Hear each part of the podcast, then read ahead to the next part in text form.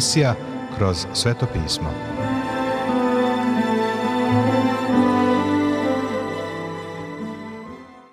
Dobroveče, poštovani slušaoci i dobrodošli u još jednu emisiju programa Kroz sveto pismo, programa koji je za vas napisao Vernon McGee, a pročitao Branko Bjelajac. Želimo vam prijetno i blagoslovljeno slušanje. Želim da te susretnem Da ti kažem sve što na srcu mi leži Evo me Pred tobom stojim sad I više neću protiv tebe da se borim I više neću od tebe da bežim Jer treba te Trebam te najviše Jer trebam te Trebam te najviše Trebam te najviše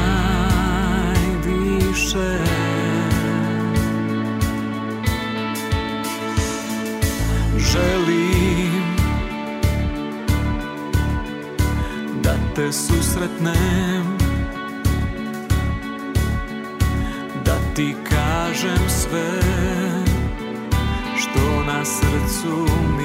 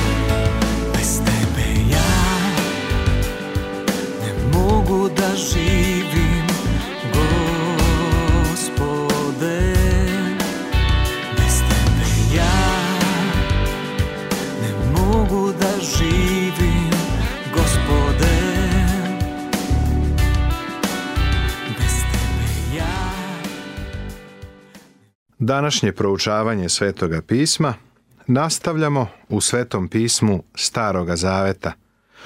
U knjizi proroka Jezekilja u osmom poglavlju i dalje razmatramo četvrti stih. I uhvati me za kosu na glavi. Sećaš se da je Jezekilj bio obrijao kosu i lice i glavu ali to je bilo oko godinu dana pre ovog događaja, pa mu je kosa izrasla. Bog ga je uhvatio za kosu na glavi.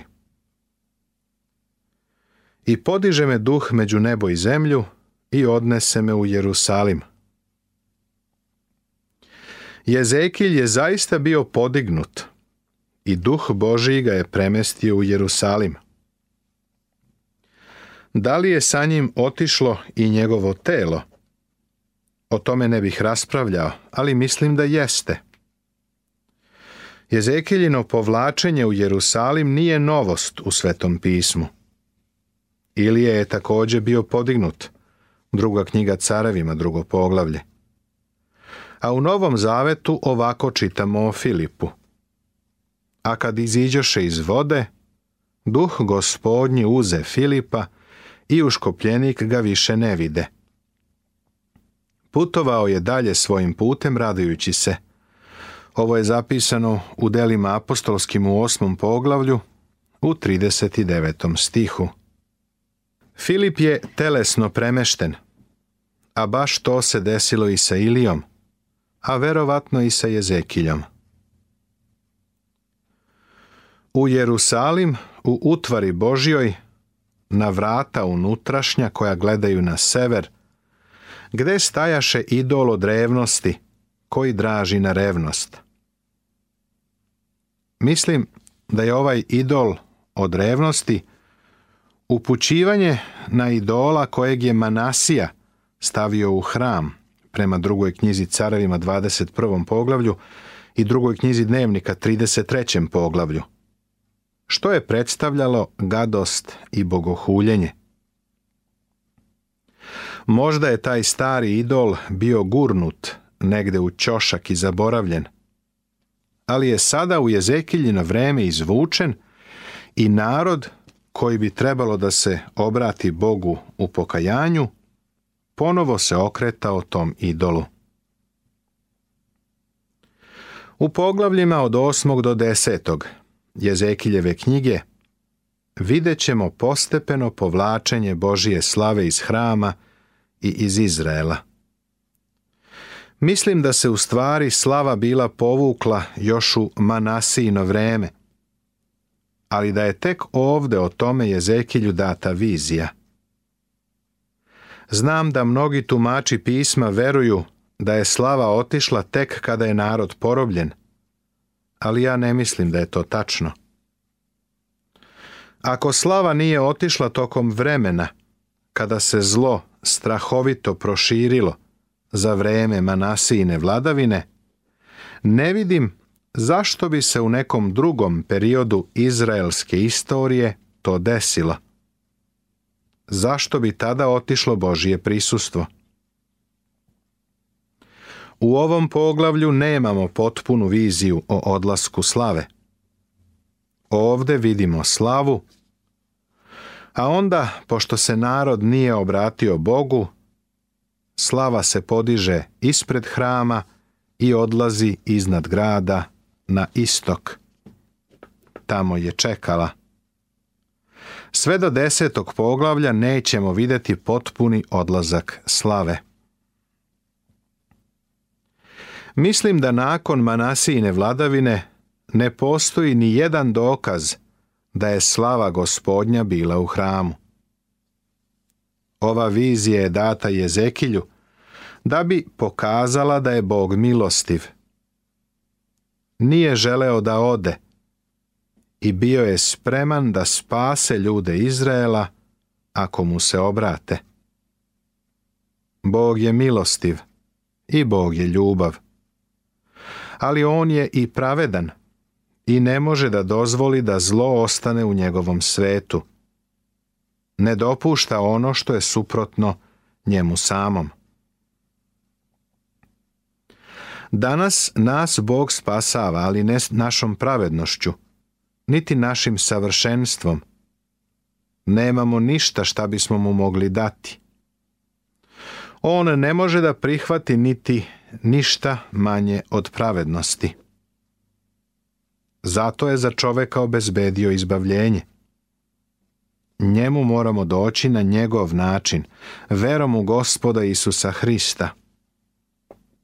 Ako to ne učinimo, imamo staru odmetničku prirodu koja je protiv Boga, a Bog to više neće dozvoliti u njegovom svetu, kao što ni policajac ne bi smeo da dozvoli kriminal u svom domu.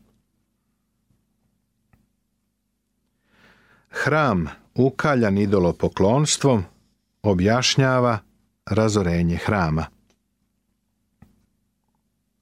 I reče mi, Sine čoveči, podigni oči svoje ka severu.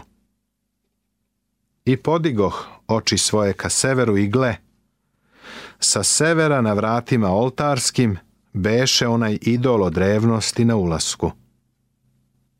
Hram je ukaljan narod više ne obožava pravog i istinitog Boga, nego krši dve prve zapovesti.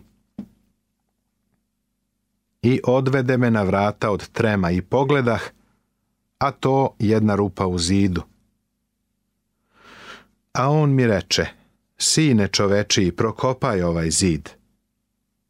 I prokopah zid, a to jedna vrata. Tada mi reče, Uđi i vidi opake gadove koji čine tu. Ako je Jezekilj tamo prisutan samo svojim duhom, kako je onda puzao kroz rupu? Kako je njegov duh iskopao rupu? Ako je bio samo duh, ne bi morao da kopa rupu. Verujem da je on tamo bio u telu i da je kopao rupu i da se nalazio u prizemlju ili pećini. Šta je tamo našao? I ušavši videh i gle, svakojake životinje što gamižu i svakojaki gadni skotovi i svi gadni bogovi doma Izraelovog behu napisani po zidu svuda unaokolo. Narod je slavio svakakva bića a ne Boga.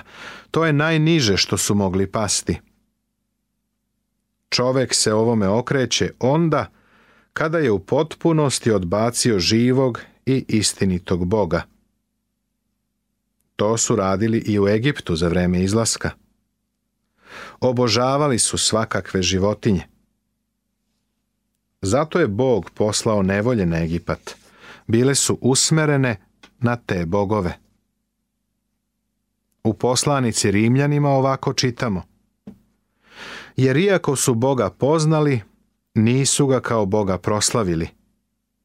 Oni koji su lažju zamenili Božiju istinu, poštovali i klanjali se tvorevini umjesto tvorcu koji je blagosloven do veka. Amin.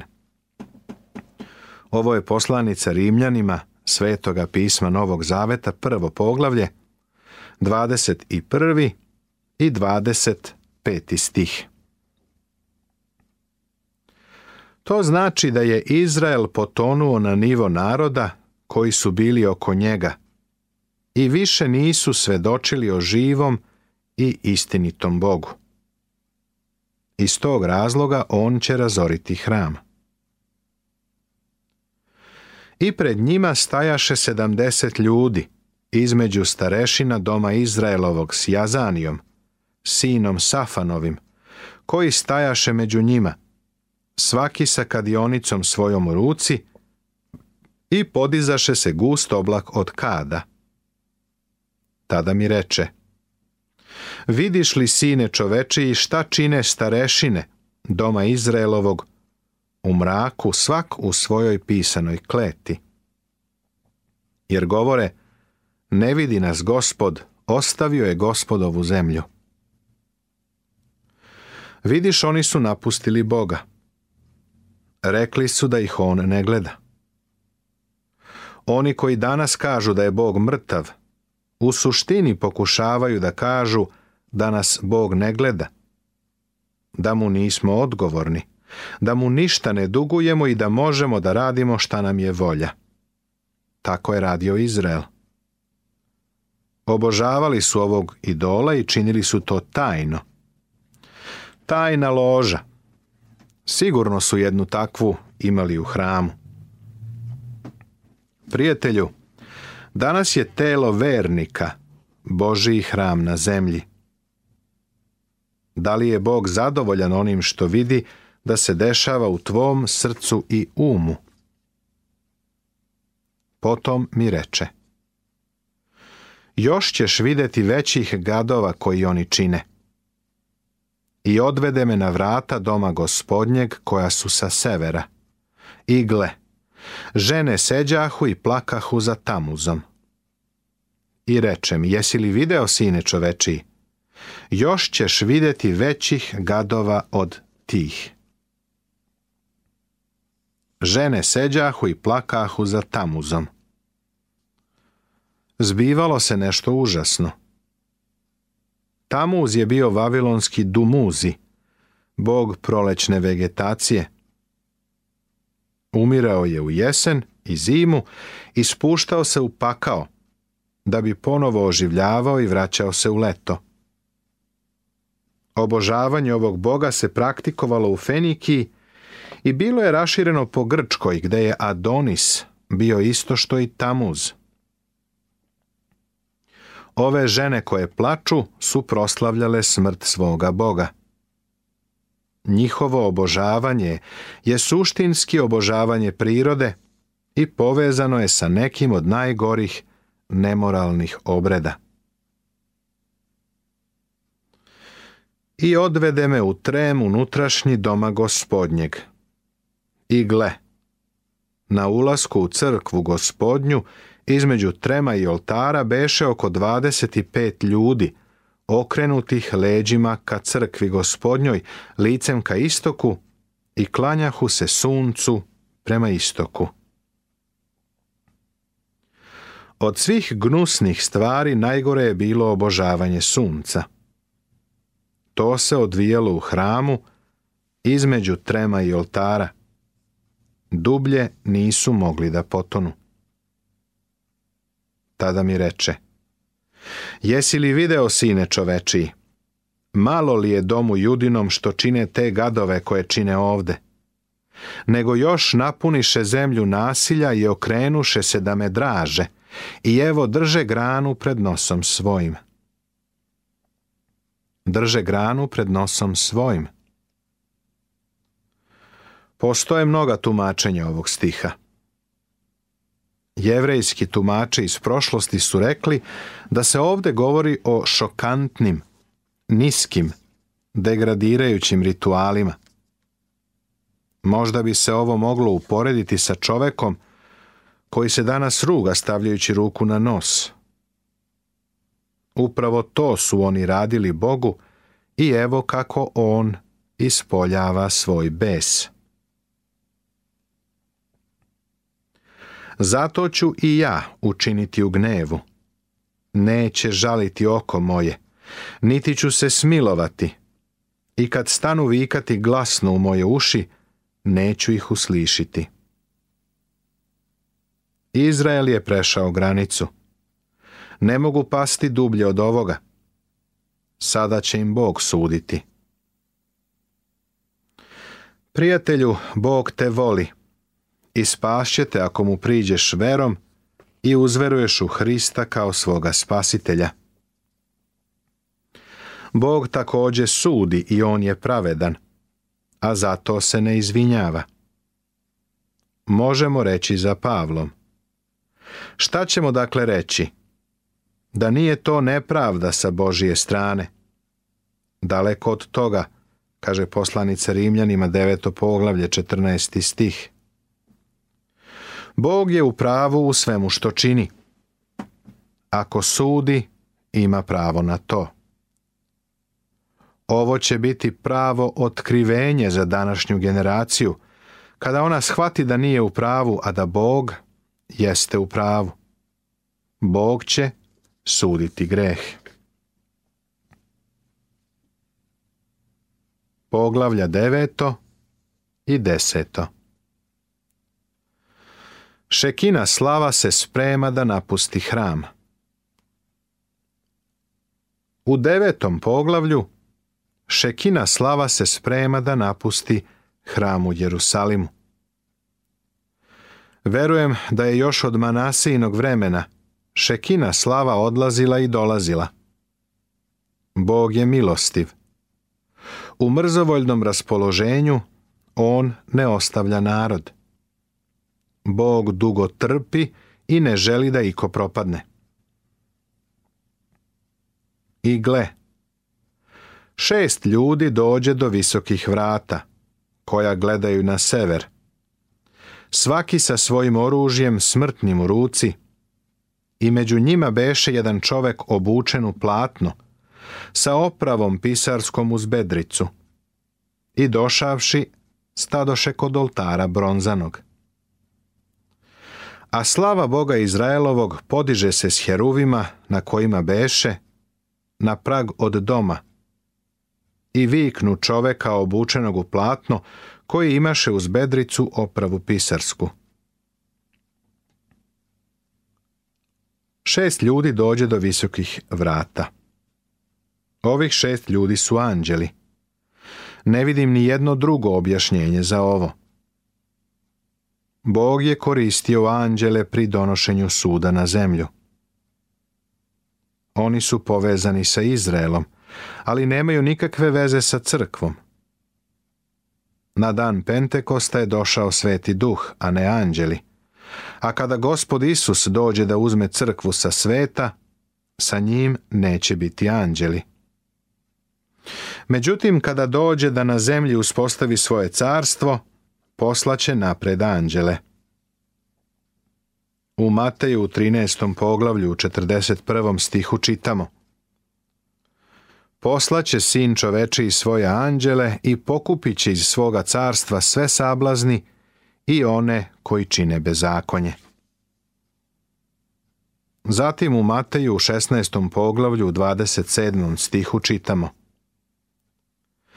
jer će doći sin čovečiji u slavi svoga oca, sa anđelima svojim, i tada će uzvratiti svakome po njegovom delanju. Na kraju, apostol Pavle je napisao A vama mučenicima, pokoj sa nama prilikom pojave gospoda Isusa s neba, sa anđelima sile svoje, u plamenom ognju koji će kazniti one što ne znaju Boga i one što nisu poslušni evanđelju o gospodu našem Isusu. Ovo je druga poslanica Solunjanima, prvo poglavlje, sedmi i osmi stih. Posle trećeg poglavlja u Otkrivenju više se ne spominje crkva, koja se prethodno često spominjala. Zašto? Crkva je otišla sa zemlje, a anđeli su preuzeli sud nad zemljom. A slava Boga Izraelovog podiže se s heruvima. To znači da je otišla iz svetinje. Heruvimi su bili iznad zaklopca pomirenja. Tu se nalazila slava, ali je sada otišla. Slava je bila pečat ili simbol Božijeg prisustva – a sada ona odlazi. I reče mu gospod, prođi posred grada, posred Jerusalima i zabeleži belegom čela onim ljudima koji uzdišu i koji ridaju radi svih gadova što se čine usred njega. Bog je rekao, obeleži ljude koji vole ove gadove i koji ih traže i idu za njima ja ću im suditi. Ali, ovaj čovek sa mastionicom treba da zabeleži one koji uzdišu i koji ridaju radi svih gadova. To je ostatak koji će Bog u tvom gradu da spase. Nastavit će se.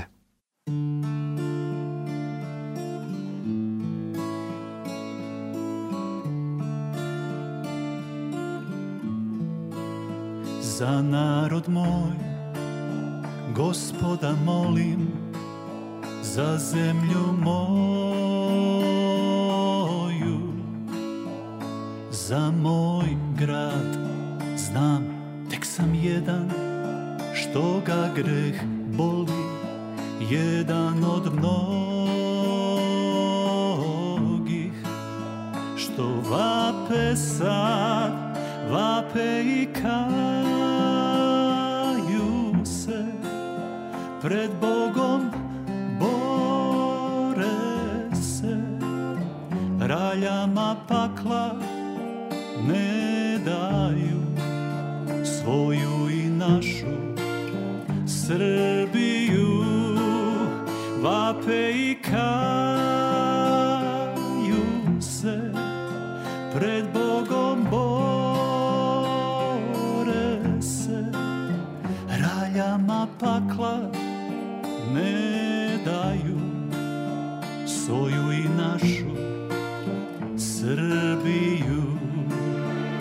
za narod moj Srce me boli jer Bogu neće Da vrati se grehe i slobu Zlo svako voli i svetlo ne traži Neka je se, ne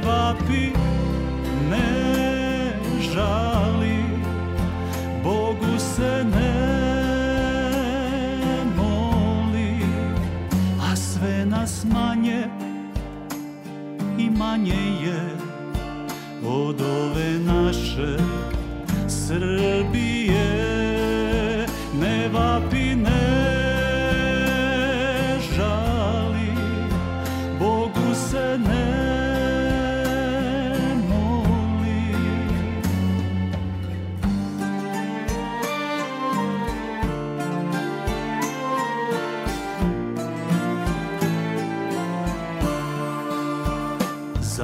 narod moj, milosti dane, traži mi želi nebeski mir. Molim da jednom i nama svane jutro spase.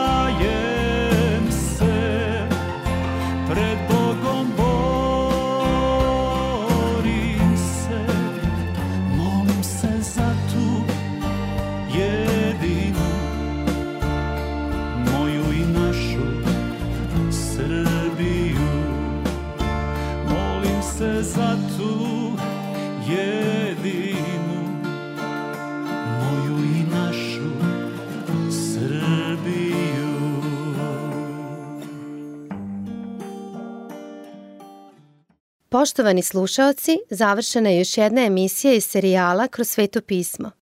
Ovaj program možete da slušate svakog radnog dana na talasnoj dužini od 1548 kHz u vremenu od 22 sata do 22 sata i 30 minuta. Ukoliko želite da nam se javite, da nas pohvalite ili pokudite, da nam predložite izmene kojima bismo mogli da poboljšamo naš program, ali i da vas nagradimo kakvom dobrom hrišćanskom knjigom, Novim Zavetom ili celom Biblijom. Na raspolaganju su vam telefon, elektronska pošta ili obična pošta. Broj našeg telefona je plus 381 062 396 331. Adresa redakcije glasi Poruke, Poštanski fah 37 11060 Beograd. Elektronskom poštom nas možete kontaktirati na krosvetopismo at gmail.com. Također pripremili smo vam i web stranicu na kojoj možete pronaći sve naše programe.